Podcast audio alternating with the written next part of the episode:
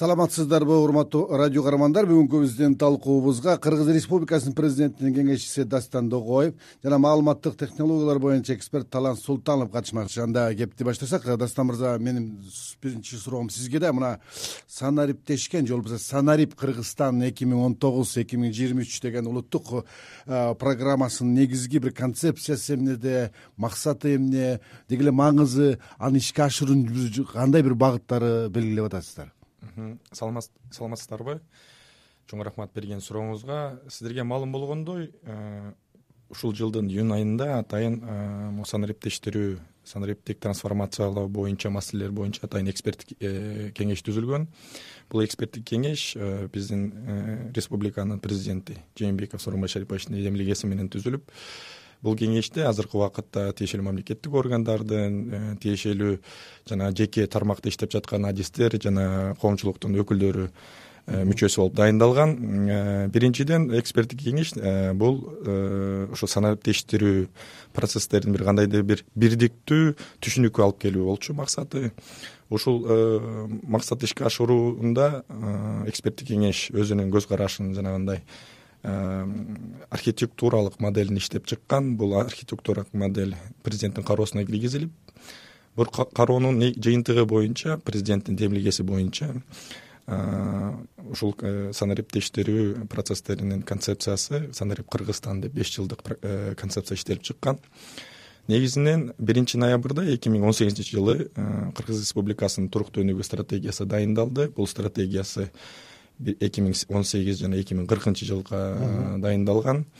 Ушул стратегияга ылайык эки миң кыркынчы жылы кыргыз республикасы бул маалыматтык коом ар бир жараны өзүнүн билимине жана инновациялык технологияларды колдонуу менен ошол эле учурда бул э, технологиялардын негизинде мамлекеттик башкаруу системасы дагы жогорку деңгээлге келип жарандарга э, сапаттуу тез арада мамлекеттик жана муниципалдык кызматтарды көрсөтүү коррупциондук коркунучтарды жокко чыгаруу ошол эле учурда э, жанагындай санариптик экономика тармагында багыттарды жана ошол багыттарды өнүктүрүү максатында ошондой бир стратегиялык бир максат коюлган ушул э, максатка жетүү үчүн э, биз беш жылдык ушундай программаны иштеп чыктык. Бул иш чарада э, биздин республиканын эксперттери жеке тармакта иштеген ошол эле учурда жанагы донорлор тарабынан болгон иштеп жүргөн эксперттердин дагы жардамы менен иштелип чыкты. Азыркы убакытта ар кайсы площадкаларда талкуулар жүрүп жатат. Жакын арада ошол кандай эске алуу менен бул концепция бекитилет деген ойдобуз дастан мырза мындан бир жыл бир жарым жыл мурда бул кыргызстанда коомчулугуна мындай таза коом программасы кирип атат таза коом программасын турмушка ашырабыз деди эле мына кечээ жакындан бери санариптешкен же санарип кыргызстан деген программа концепциясын сунуш кылып атасыздар да. Мындай экөөнүн айырмачылыгы эмне деген бир суроолор туулуп атат. Же экөө бири бирин толуктайбы же бири бирине компонент боло алабы эмне бул? Эми э, биринчи биринчиден мен жанагы айтып кеткен стратегияда ошол жанагы эки миң кыркынчы жылкы стратегиялык максаттын аты таза коом. Бул деген эки миң кыркынчы жылы жете турган бир максат. Ошол максатты ишке ашыруу үчүн биз санариптик кыргызстан деген концепцияны иштеп чыктык.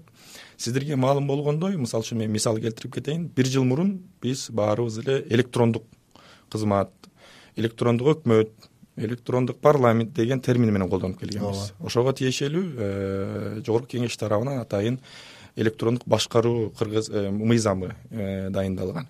Мына азыр мына азыркы акыркы могу бир жылдын ичинде дагы биз санариптештирүү деген жаңы терминди киргизип атабыз. Демек технологиялар токтобостон өнүгүп жатат.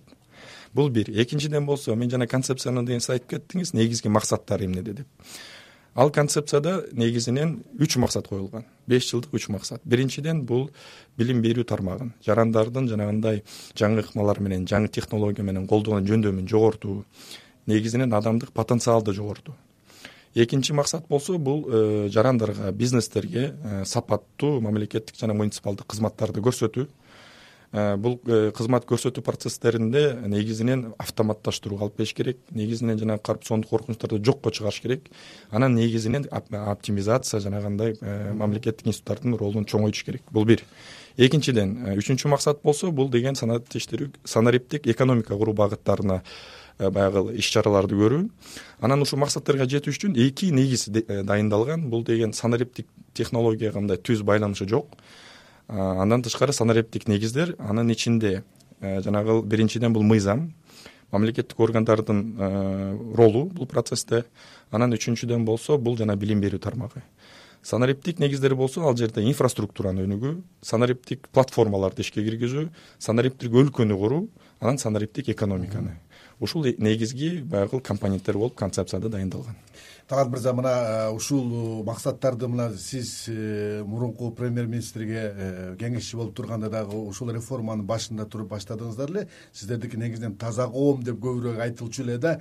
Анан кийин бүгүнкү процессти дагы көрүп салыштырып анализдеп жатсаңыз керек. Мына бүгүнкү жүрүп жаткан иштер сиздер баштаган ишти мына улантып атат десек болобу? Же башка бир өзгөрүүлөр же азыркы өкмөт бир башка жол менен кетип атабы? Кандай дейсиз мен биринчиден айтып кетет элем мен абдан кубанычтамын. Азыр ушул жаңылыктарды угуп э, ошол башталган процесстер башталган реформалар э, ишке ашырылып келатат э, чын айтканда көп маалымат жок. Ошо азыр дастан мырзаны угуп мен аябай жакшы өзүмө мындай выводдорду кылып атам.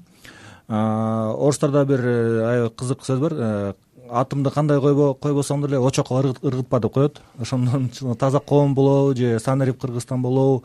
Аттары э, жакшы. Анан ичиндеги э, мазмуну туура болсо менин оюмча жакшы болот деп ойлойм. Анан ошо дастан мырза айтып кетти. Эң негизги компоненттери. Таза коомдо дагы ошол ойлор болгон. Э, бирок э, биз таза коомду ушу бир жылдан бери аябай глобалдуу бренд кылып алдык элек. Азыр жана генеральный секретарь оонда сүйлөп кеткен дүйнөдө да көп площадкаларда давостан баштап кытайда выступать этип. Ошондуктан тышкы жактан да таза коомду жакшы билип калды анан эл да таза коомду жакшы түшүнүп калган да. Азыр мени сураганда э, санарип же интернет деген эмне деп сураганда мен таза коом деп айтсам элге түшүнүктүү болуп угулат да. Ошондуктан эгерде жыйырма кырк стратегияда таза коом деп жазылса анда таза коом деп айткандан коркпош керек деп мен чакырып кетет элем. Бирок санарип дегенде эле бул туура термин. Дүйнөдө көп мамлекеттер санарип казакстан санарип э, орусия деп атап кетет. Бирок мен мен эмнени айтайын дегеним ушул процесс ушул реформаларды ишке ашыруу үчүн абдан жогорку деңгээлде колдоо керек. Азыр көп э, фарма процесстерди ошо дастан мырза э, президенттин кеңешчиси болуп жана э, госкомитет мамлекеттик комитет жана маалыматтар ушул эле органдар ушул процесстерди алып алып келатат. Бирок ошо санарип кыргызстанда абдан ири ири чоң чоң долбоорлор бар. Ал жерде абдан күчтүү министрликтер жана күчтүү кызыкчылыктар бар. Ошолорду реформа кылыш үчүн бир эле ошо комитеттин бир эле дастан мырзанын күчү жетпейт ошондуктан эң эң э, төмөнкү эң биик э, эрк саясий эрк болсо ошондо биз саясий э, санарип кыргызстанга жетишебиз деп айтам. Мүмкүнчүлүк болсо кийин деле ошол долбоорлорду айтып кетем. Дастан мырза мына жанагы бул санариптештирүү бул экономикалык реформаларды бир өнүктүргөнгө же алдыга жылдырганга деги эле экономикабызды көтөрүүгө чоң таасирин тийгизет деп айтып атасыздар да. Мындай сиз бир жөнөкөй эме менен айтып бере аласызбы кандай таасирлер болушу мүмкүн кандай бир жыйынтыктарды айта алабыз мындан кийин? Эми биринчиден жанагы э, мен э, айтып кетпедимби бул жерде э, санариптештирүү процесстеринде бир эффективдүү башкаруу системасы дайындалыш керек. Ар бир программаны ар бир концепцияны ийгиликтүү ишке ашыруу үчүн мындай жакшы бир ушул процесстерди туура координация кылуу үчүн туура башкаруу үчүн мындай бир система курулуш керек ошондуктан азыркы убакытта мына мен жана айтып кеттим башында баса белгилеп. Азыркы убакытта бүт бул процесстердин баары президенттин жеке колунда. Бизде азыркы убакытта жанагындай айткан эрк э, саясий эрк э, бар. Бул бир. Экинчиден болсо башкаруу система боюнча. Сыякчы айтып кетти э, бул жерде бизде ар бир концепциянын тармагы боюнча биз тиешелүү мамлекеттик органдарды дайындадык бул экономика боюнча экономика министрлиги каржы боюнча каржы министрлиги негизинен могул э, долбоорлорду ишке ашыруу боюнча бул мамлекеттик жанагы маалыматтык технология комитети болот. Жана башка. Эми э, буларды кантип алар ишке ашырат? Ошону биз аларды деген күчтөтүп атабыз. Жанагы компетенция борборлору менен. Бул жаңы термин азыркы убакытта ес боюнча евразиялык экономикалык бул түйүндүн негизинде жанагындай компетенция борборлору түзүлүп жатат ошол компетенция борборлорунда ал жерде бизнес болот. Жана башка эксперттер болот. Ички тышкы э, эксперттер. Ошолор деген биз аларды атайын мындай юридикалык э, күч берген атабыз да. Алар ар бир тиешелүү мамлекеттик органдарга жардам берип көмөк көрсөтөт ушуну ишке ашыруу боюнча. Анткени ар кандай учурлар болушу мүмкүн мамлекеттик органда башкаруу системасы эффективдүү эмес болушу мүмкүн потенциалы жок болушу мүмкүн компетенциясы жок болушу мүмкүн. Ошону туура ишке ашыруу үчүн биз ошондой жанагы компетенция борборлору болот. Бул бир. Ал мен дагы бир нерсени баса белгилеп кетейин. Ар бир ушундай концепцияда ушундай демилгеде бизде жанагындай элчилер болот. Ошол деген борбор компетенциялардын мүчөлөрү алар элчилер болот. Алар бүт жерге маалыматты туура жеткизип бул бир ошол эле учурда туура жеткизгенде биз ойлойбуз бул жерде жеке тармакта иштеп жаткан компаниялар кыргызстандык болобу регионалдык болобу эл аралык болобу ошол эле донорлор анан ушул процесске катышып анткени деген э, программаны атаадоондо эмес ал программаны кантип туура ишке ашырыш керек? Ал жерде атайын иш чара планы болуш керек туура каражаттар дайындалыш керек. Анын баары ийгиликтүү ашыруу үчүн ошондуктан биз ойлойбуз ушунун баары комплекстик түрдө бул концепцияны ийгиликтүү ишке ашырууга мындай бир э, шарт мүмкүнчүлүктү берет мырза мына экономика демекчи биз бюджетти толтура турган мынабу салык системасы же болбосо бажы системасы деп э, көп сөз болуп атпайбы. Мына ушул санариптешүү ушул эки тармакка өзгөчө бир кандай бир өзгөртүүлөр киргизе алат же болбосо алардын иштөө стилинеби эмне кыла алат мына анан э, мен жана айтып ошол концепцияны дагы сиздин жанагы суроолоруңузга жооп бере турган эме эле маалыматты берейин.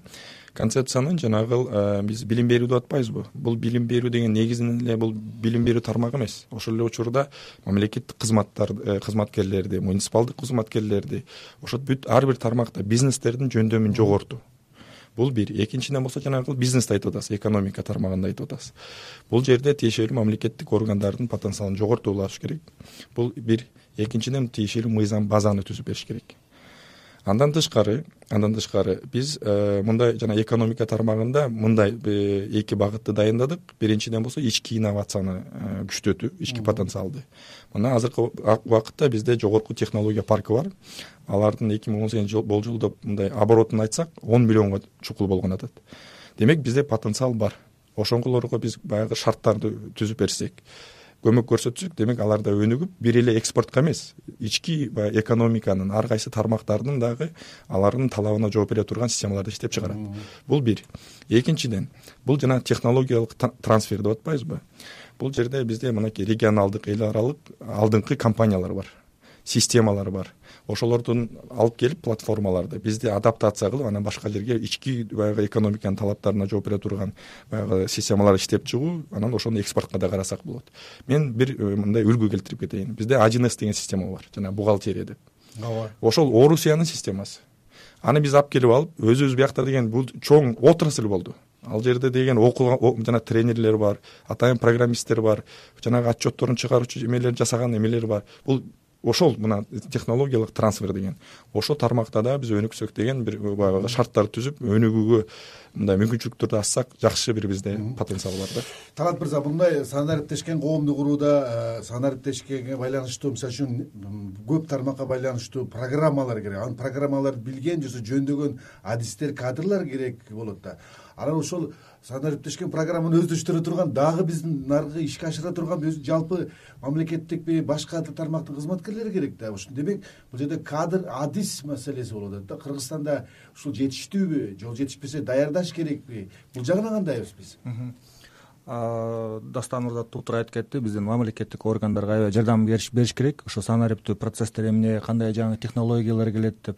Анткени кызматта иштегендер бул технологиялардан коркушу да мүмкүн да. Жөн эле жумушумду жоготуп коембу компьютер менин жумушумду алып коебу деген коркунучтар бар. Ошону түшүндүрүп кетсе э, ошол гос органдарда саботаж кылбай. Э, наоборот колдойт болчу деп ойлойм экинчиден биз кээ кезде жаңылыкты угуп калабыз э, кыргызстанда кадрлык потенциал жок бизде мындай техникалык специалисттер жок деп айтып кетет. Келгиле биз мисалы кошуна мамлекеттерден алайлы же башка жактан алайлы деп ойлор болот. Бирок чынында кыргызстанда потенциал аябай биик бизде биздин эксперттер башка мамлекеттер үчүн программаларды жазып берет. Мен азыр ошо дастан мырза биякта болгондо айта кетейин дегем ошо бир маалыматты жеткизип алайын деп. Мисалы азыр абдан чоң фискализация деген долбоор болуп атат талкуулар абдан көп. Э, бир мисал келге даяр программаны алып алайлы башка жерден деп. Биздин өзүбүздүн кыргызстандын адистери ошол бүт жазып чыкты.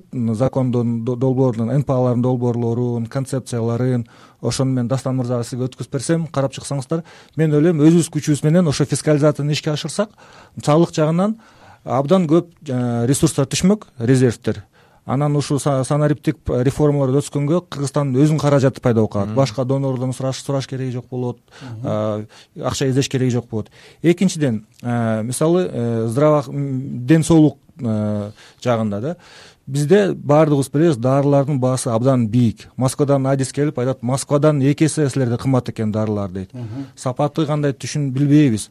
Аны ушул проблеманы чечиш үчүн бизге дарылардын электрондук базасы керек бул система көптөн бери даяр экен ишке ашырганга даяр. Бирок мен ойлойм ошо министрге туура эмес маалымат берип койсо керек. Жакында ал айтат бизге беш жыл керек болот ушул системаны ишке ашыруу үчүн. Бул деген эмне? Бул жана беш жылдан кийин падышах өлөбү же болбосо эшек өлөбү деген нерсе да бул электрондук база э, дарыларды кийин ишке ашырабыз деп. Ошого да көңүл буруп койсоңуздар. Менин оюмча элге абдан жардам бере турган нерсе да үчүнчү бул болсо жолдор. Биздин жолдорубузга абдан көп инвестиция берилип атат. Бирок сапаты тез э, бузулат. Эмнеге анткени чоң чоң фуралар э, абдан көп жүк жүктөп алып өтүп кетет. А азыр болсо системалар бар. Ошол фураларды өтүп баратканда эле канчалык веси кандай экенин ченеп туруп штрафтарды э, жазып турат да. Анан бул штрафта эмес жолдорду бүлдүргөндө эң чоң проблема болуп атат да. Буну дагы ишке ашырыш абдан тез жана оңой. Ошондуктан ушул үч долбоорго көңүл буруп ишке ашырып койсо мен ойлойм биздин коомчулук да абдан колдоп келет эле ушул санарип кыргызстан деген дастан мырза мындай чоң масштабтуу коомдук мааниси бар э, программаны ишке ашыруу үчүн албетте каражат акча керек. Мына эки миң жыйырма үчүнчү жылга чейин бул долбоорлорду ишке ашырууга азыркы өкмөт э, бир он бир миллиард э, сомго чейинки бир каражатты сурап жатат караштырып атат деп атат да.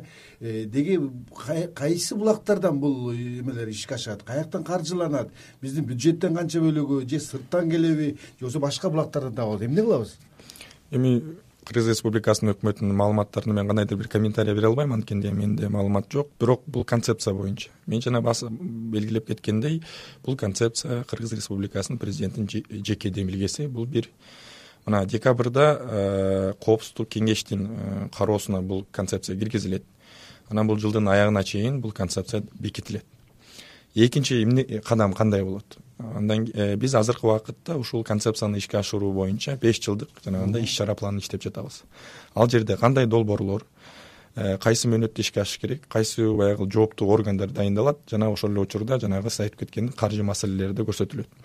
Анан бул маалыматтарды биз бир эле жанагы э, баягы мамлекеттик бюджет эмес ошол эле учурда бизде деген бизнестин чоң потенциалы бар ошону да колдонуу менен. Бул биринчиден бизнес дагы буга кызыгып бул санариптештирүү процесстерине э, кандайдыр бир катышса ошондо бул ийгиликтүү болот анан баягы туруктуу болот. Анткени ар бир маалыматтык системаны ар бир санариптик технологияны да ар дайым өнүктүрүп туруш керек ошондуктан биз ойлойбуз бул тармакта бизнестин өзүнүн баягы активдүү катышып бул программаны ишке ашырат деп. Мен жана дагы бир жолу бир дайындап кетейин. Э, бизде деген программанын деген эки негизги компоненти бар бул санариптик инфраструктура инфратүзүм жана платформалар. Анын ичинде э, исаков жакшы билет инфраструктураны ар бир жаранга биз деген жанагы сапаттуу байланышка жеткизишибиз керек ошого мүмкүнчүлүк түзүшүбүз керек. Бул жерде бизнестин катышуусу менен болот анан негизги санариптик платформаларды ишке киргизиш керек. Бул түндүк системасы жана фискализация болгон негизги бизнеске карата системалары отчетту электрондук форматта берүү системалары жана башка бүт ошондой комплекстик системаларды ишке киргизишибиз керек. Бул экинчиден. Анан мен жана негизги компонентти айтып кеттим бул санариптик өлкө. Бул жерде бир эле өкмөт эмес. Ал жерде деген санариптик парламент анткени биз жарандар менен шайлоочулар менен депутаттарыбыз электрондук форматта кандайдыр бир маалымат алып алардын кызыкчылыгын баягы э, ишке ашырууга бир ошондой бир шарттарды түзүшүбүз керек. Анан экинчи жана соттук реформаны алганда азыркы убакытта эң негизги система ишке кирип атат. Бул сот автоматташтырылган сот системасы. Анан бул деген жанагы укук коргоо жанагы укук коргоо анан деген надзор органдарына э, тиешелүү системалар. Ошонун баары бирдиктүү болгондо бул деген жанагындай комплекстик системаны түзөт талат мырза мына биздин өлкөнүн улуттук стратегиясынын өнүгүү программасында мондай бир тезис жүрөт сизге берейин ошол сизге э, суроо катары болсун да улуттук стратегияда. Кыргызстан орто мөөнөттүү келечекте ыкчам жетиштүүлүк принцибинин негизинде санарип инфраструктурасында субконтинент масштабында кашанын ичинде борбордук жана түштүк азиянын арасында дейт лидер болууга умтулат деп жазылат да. Бул жөн эле бир ишке ашпаган бир амбициялуу мындай максатпы же реалдуу биздин колубуздан келе турган нерсеби эмне деп ойлойсуз? Мен ойлойм бул болсо мүмкүнчүлүк дагы эмес бул абдан э, биздин э, керектүү стратегия болуш керек кыргызстан үчүн анткени биз ушул бүт э, кытай жана э, орто азияны россия менен э, индияларды кошо алсак өзү аркылуу кыргызстан аркылуу. Анда биринчиден биздин да интернетибиз абдан сапаттуу бирок баасы төмөн анан тез дагы болот. Экинчиден биз азыр контенттин көбүн кайсы жактан алабыз? Европаданбы же россиядан алабыз? Ошон үчүн көп дагы каражат кетет ошо транзит үчүн а эгерде кыргызстан өзүнө ушундай дата центрлерди коюп алса анда биздин кошуна мамлекеттер ошол контентти башка жактан эмес бизден алып калат эле. Анткени биз аларга жакыныракпыз биринчиден экинчиден кыргызстанда сөздүн эркиндиги дагы бар мен бир нерсе айтып кетет элем бул жерде биз болсо өзүбүз жалаң эле өкмөттү күтүп турбай э, коомчулук жактан дагы бизнес жактан дагы ошо долбоорлорго э, санариптик долбоорлорду ишке ашырса болот. Азыр мен кыргыз интернет коому деген организацияда иштейм бул коммерциялык эмес коом. Анан ошо суу самыр айылында биз пилоттук бир долбоорду ишке ашырып атабыз. Кантип э, арзан жана тез мөөнөттө абдан сапаттуу интернетти айылга алып келүү болот деп буюрса ушул пилот ишке ашайын калды. Азыр болсо сиз суу самыр айыл өкмөтүнө барсаңыз абдан тез жүргөн интернети бар вайфай аркылуу. Биз ошол зым менен ар бир үй бүлөгө алып келейин деп атабыз. Ошол э, тажрыйбаны биз э, дастан мырза менен да бөлүшүп үмүттөнөбүз башка айылдар дагы ушул тажрыйбаны алып кетсе бул өзү коомчулук интернет деп аталат экен. Ошо айылда жашаган тургундар ушул фонддун ээси болот. Баасы кандай болот ким кантип кошулот ошол э, бүт мыйзамдарын алар өздөрү э, чечип баштайт. Ошол жанагы суу самырга барган интернеттин аркасы мененчи эмне бир үзүрүү болуп атат? Кыскачараак айтып бере аласызбы? Мисалы суу самырда э, жайында абдан көп туристтер келгенге каалоо кылат бирок алар реклама кылам десе же болбосо отелин көргөзөм десе интернет жок болуп бишкекке туугандарына чалат кел мына кымыздын жөнүн жазып койчу деп. Бирок сапаттуу интернет болсо анда алар үйүндө отуруп алып эле бүт ушул рекламаларды кылганга мүмкүн болот. Мен кошуп кетсем негизи эле инфраструктура жок. инфраструктура жок санариптештирүү болбойт. Ошондуктан жанагы бизнес коомчулук негизи бул процесстерге активдүү катышып чогуу муну ишке ашырышыбыз керек рахмат урматтуу радио көрөрмандар бүгүн биз э, санарип кыргызстан эки миң он тогуз жыйырма үч программасынын концепциясы кандай анын маңызы эмнеде кандай жолдор менен ишке ашат? Ошонун тегерегинде биз кеп кылдык. Бүгүнкү биздин талкуубузга кыргыз республикасынын президентинин кеңешчиси дастан догоев жана маалыматтык технологиялар боюнча эксперт салат султанов катышты. Берүүнү мен бакыт оорунбеков алып бардым. Кайрадан эфир аркылуу жолукканча саламатта калыңыздар